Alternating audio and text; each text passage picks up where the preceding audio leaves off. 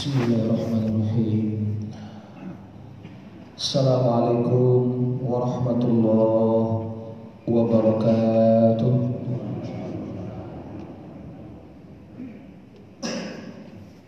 الحمد لله الحمد لله الذي خلق الموت والحياة ليبلوكم أيكم أحسن عملا.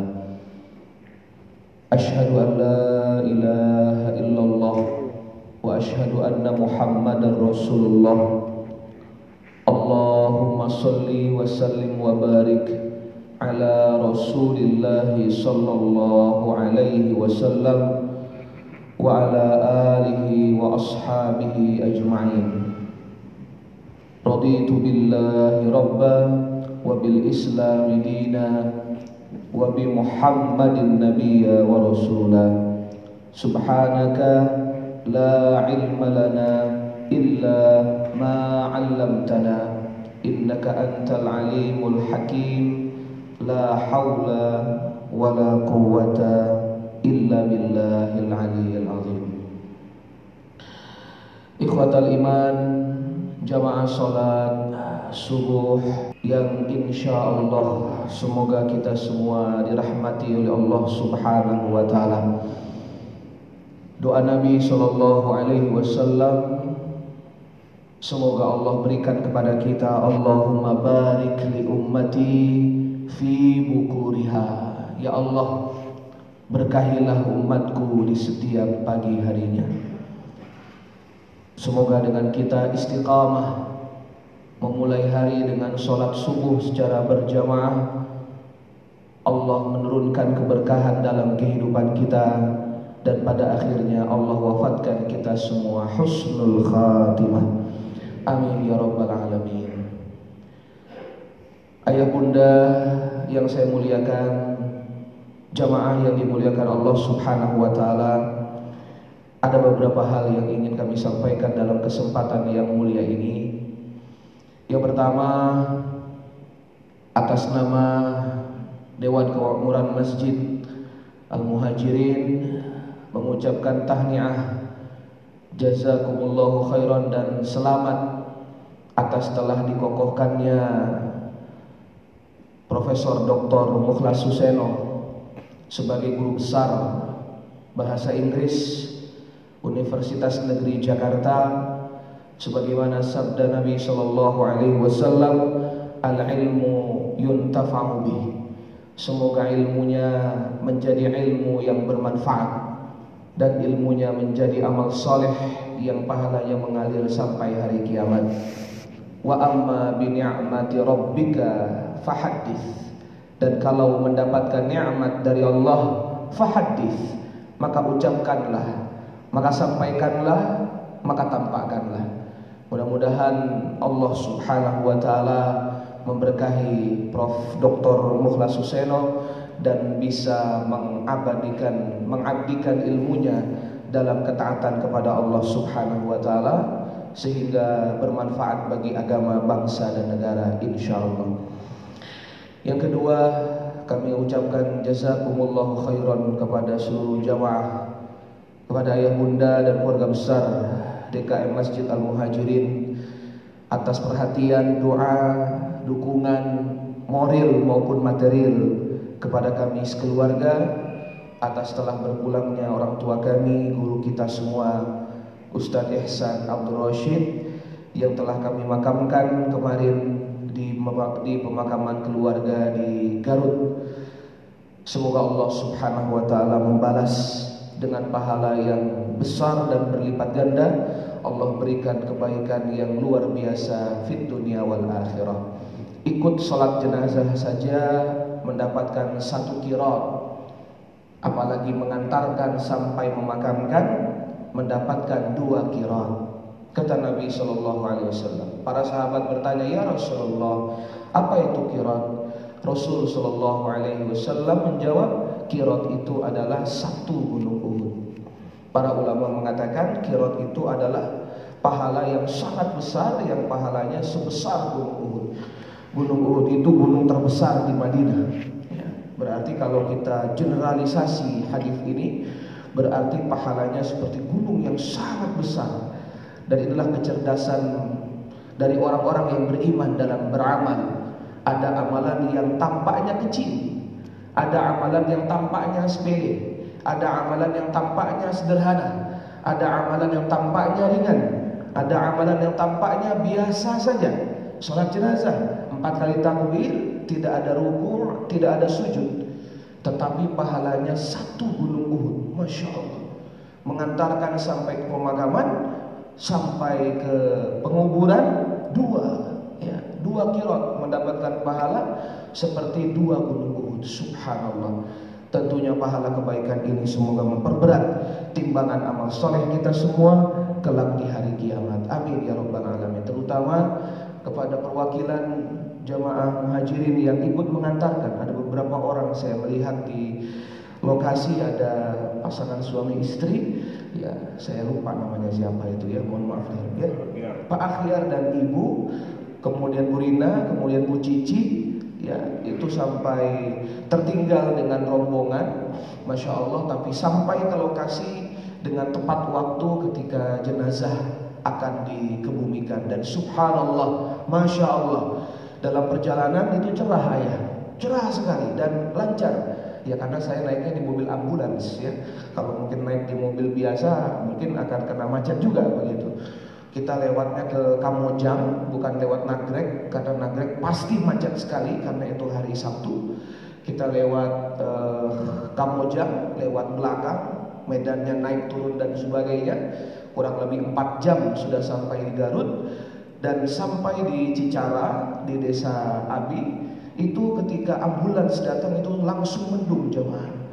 Begitu ambulans berhenti hujan rintik begitu uh, jenazah keluar dari ambulans kemudian dibawa ke masjid untuk disolatkan hujannya agak deras sedikit dan ketika jenazah sudah dikebumikan dan dibacakan doa itu Masya Allah hujan mengguyur dalam keadaan kita mendoakan beliau. Tahtal motor hujan turun adalah salah satu di antara tanda mustajab doa. Maka kita berdoa kepada Allah semoga doa-doa terbaik jamaah walaupun tidak bisa ikut menyertai Abi, menyertai guru kami dalam pemakaman semoga dikabulkan Allah Subhanahu wa taala dan doa-doa yang baik insya Allah akan kembali kepada yang mendoakan. Amin ya rabbal alamin. Dan yang terakhir jamaah yang dimuliakan Allah Subhanahu wa taala, saya ketika menemani orang tua selama takziah di sana dan insya Allah nanti juga di sini kita akan melaksanakan takziah di rumah. Jadi bagi jamaah yang ingin bertemu dengan Umi atau ada sahabat-sahabat Abi yang belum bertemu keluarga, Nanti kami akan informasikan waktunya karena orang tua masih berada di Garut, hanya saya yang pulang lebih awal. Uh, kemarin ketika takziah ada gurunya Abi. Gurunya Abi saya lupa namanya siapa. Gurunya Abi itu guru di pesantren Persis. Ya, ketika Abi menuntut ilmu di sana sampai lulus SMA.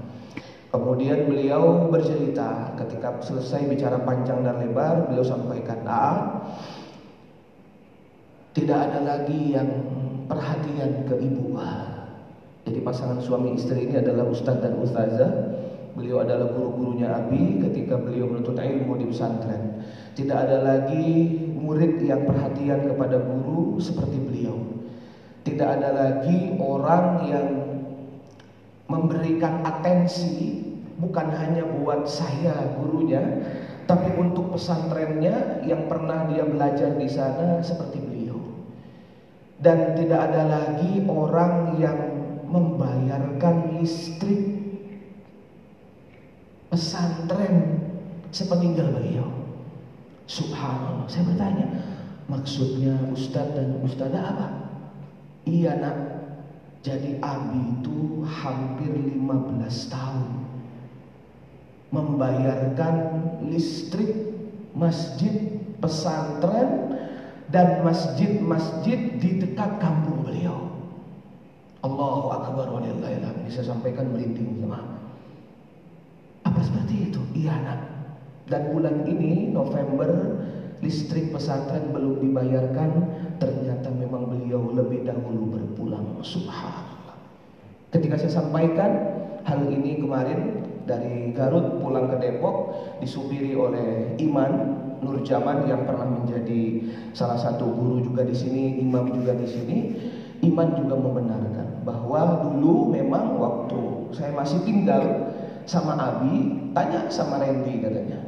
Tanya sama Pak Heri katanya. Itu rekening listrik masjid-masjid kampung di sekitar rumah Abi itu Abi yang bayar. Itu.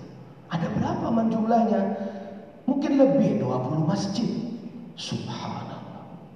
Dan itu setiap hari terdata oleh beliau. Kemudian di setiap bulannya beliau bayarkan dari masjid ini mungkin melalui BMT kita.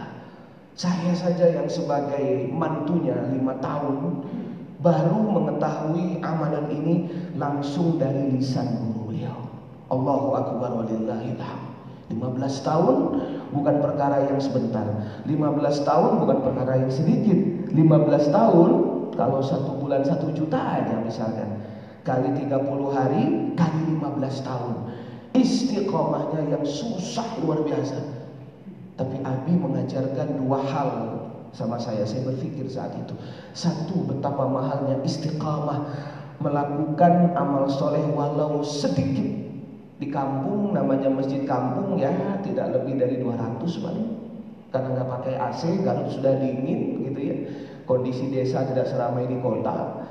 Yang kedua betapa pentingnya kita memiliki satu amal rahasia kita perlu memiliki amal yang dirahasiakan mungkin hanya beberapa orang yang tahu atau bahkan tidak ada yang tahu kecuali kita sama Allah.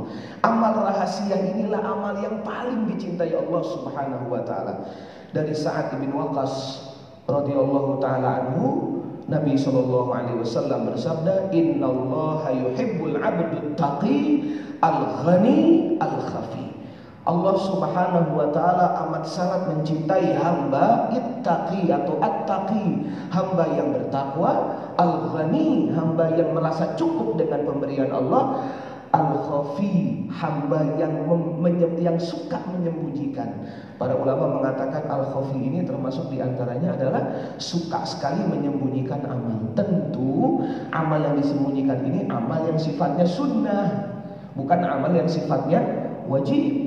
Contoh amal yang sifatnya wajib, sholat berjamaah, jangan disembunyikan. Oh saya nggak pernah berjamaah di masjid karena saya menyembunyikan sholat lima waktu saya. Bukan. Mau berjamaah di masjid menghukumnya hampir fardu atau sunnah muakkadah, sifatnya syiar wajib ditampakkan. Adan, apa namanya syiar wajib ditampakkan. Tapi amal-amal sunnah yang memang sifatnya bisa disembunyikan alangkah lebih baik kalau memang hanya kita dan Allah Subhanahu wa taala yang mengetahui. Maka Allah maka Nabi SAW menggunakan kata yuhibbu Allah sangat mencintai seorang hamba yang al-khafi punya amal tapi amal itu dia sembunyikan tidak banyak manusia yang tahu kecuali Allah Subhanahu wa taala Bayangkan jemaah, 15 tahun beliau melakukan hal tersebut. Semoga menjadi sebab Allah terangi kuburnya dalam gelap. Semoga Allah memberikan penjagaan dari segala siksa dan adab kubur. Semoga Allah Subhanahu wa taala memberikan kepada kita, kepada saya, kepada keluarga kemampuan untuk bisa meneruskan apa yang beliau pernah lakukan selama ini dan semoga apa yang saya sampaikan ini bisa menginspirasi kita semua jamaah bahwasanya kita perlu semangat dalam amalan-amalan yang sifatnya tampak, dalam amalan-amalan sifatnya zohir, dalam amalan sifatnya syiar, tapi jangan lupa tidak kalah semangat dan istiqamah dalam menjalankan amalan yang al-khafi, amal rahasia yang hanya kita dan Allah yang tahu dan semoga dengannya Allah curahkan cintanya kepada kita semuanya. Semoga apa yang saya sampaikan bermanfaat. Subhanakallahumma bihamdika asyhadu an la ilaha illa anta astaghfiruka wa atubu ilaik. Wabillahi taufiq wal hidayah. Assalamualaikum warahmatullahi wabarakatuh.